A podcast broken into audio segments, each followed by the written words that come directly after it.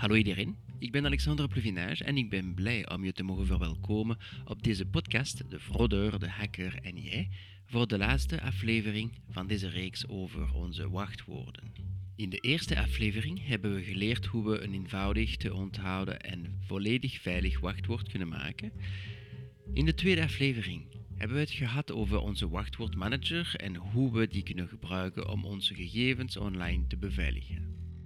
In deze laatste aflevering gaan we kijken hoe we kunnen controleren of onze wachtwoorden ergens gestolen zijn of te koop zijn op het internet. Dus als je klaar bent, let's go!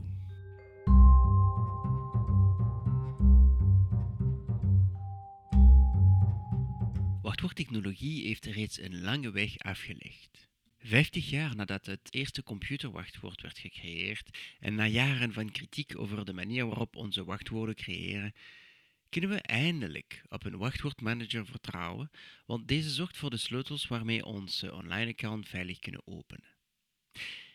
En je weet uit mijn vorige aflevering, een wachtwoordmanager onthoudt wachtwoorden voor jou, maar kan ze ook voor jou maken.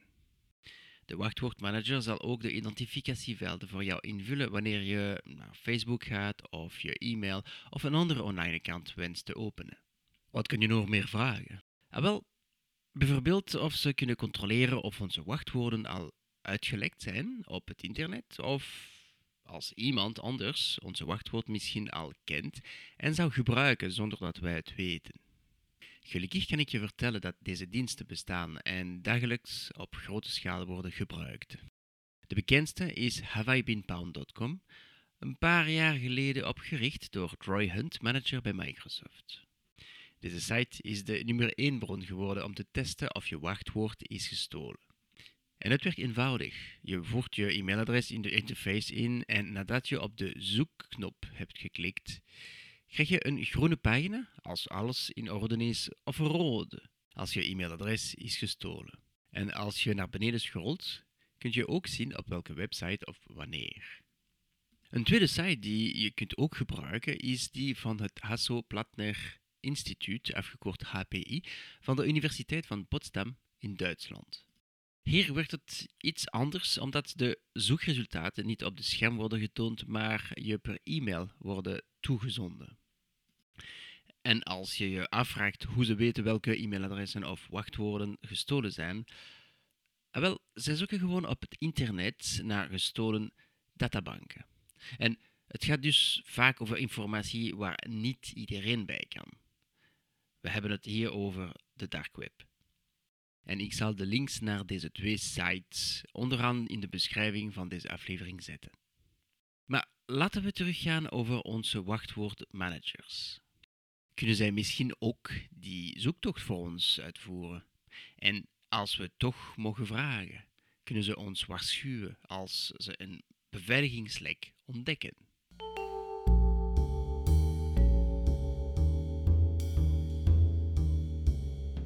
Het antwoord is ja. Dat kunnen zij. Ze doen het nog niet helemaal, maar het is een dienst die steeds populairder wordt. Apple en Google hebben het onlangs hun mobiele telefoons geïntegreerd.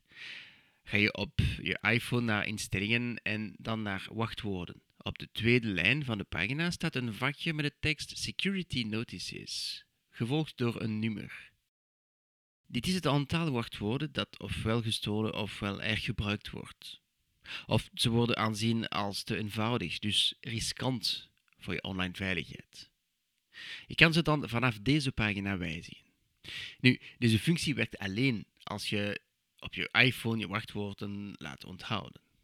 Als op een Android-telefoon wordt vastgesteld dat een van je wachtwoorden is gestolen, ontvang je een waarschuwing en een uitnodiging om het wachtwoord te wijzigen.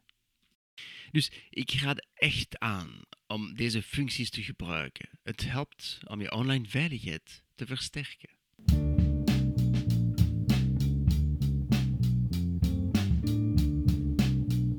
Er is nog één tip dat ik wil geven voordat we deze serie over wachtwoorden afsluiten. We hebben vaak gehoord dat je je wachtwoord regelmatig moet veranderen. En niet iedereen doet dat onderliggende reden. Wij willen onze wachtwoorden niet vergeten en ze veranderen houdt het risico in dat je ze niet meer herinnert.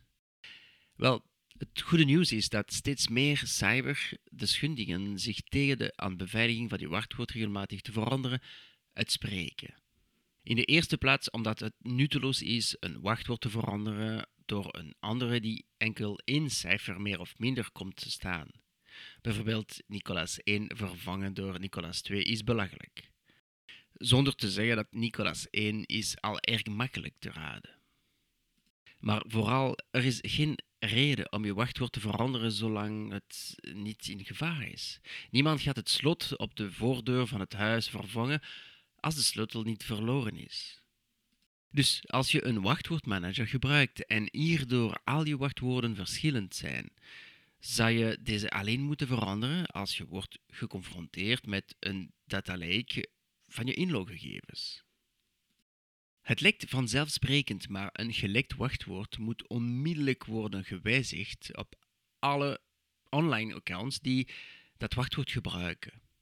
En ik weet dat nog veel mensen vandaag gewoon wachten of het vergeten. Maar wist je dat cybercriminelen robots gebruiken, een soort van software die gestolen wachtwoorden test op alle online platforms? Gewoon omdat ze weten dat veel mensen nog steeds overal hetzelfde wachtwoord gebruiken. Dus geef ze geen kans, verandert je gestolen wachtwoorden onmiddellijk.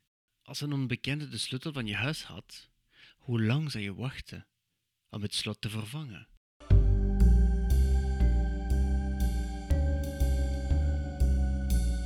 Wij hebben het einde van deze aflevering bereikt. In een volgende nummer wil ik het hebben over twee-factor identificatie, die niet alleen de toegang van onze online accounts veiliger maakt, maar ons ook waarschuwt wanneer iemand een van onze wachtwoorden gebruikt zonder dat wij het weten. Sommige podcastplatforms laat je toe om de aflevering die je leuk vindt te beoordelen. Door dat te doen, help je mijn werk te promoten. En als je denkt dat deze informatie je vrienden of familie zou kunnen helpen, voel je dan vrij om hen over deze podcast te vertellen of deze aflevering met hen te delen. Je kan je ook abonneren en alerts activeren om op de hoogte te blijven van de volgende afleveringen. Ik wens je nog een heel fijne dag en tot gauw in de volgende aflevering van De Fraudeur, de Hacker en jij.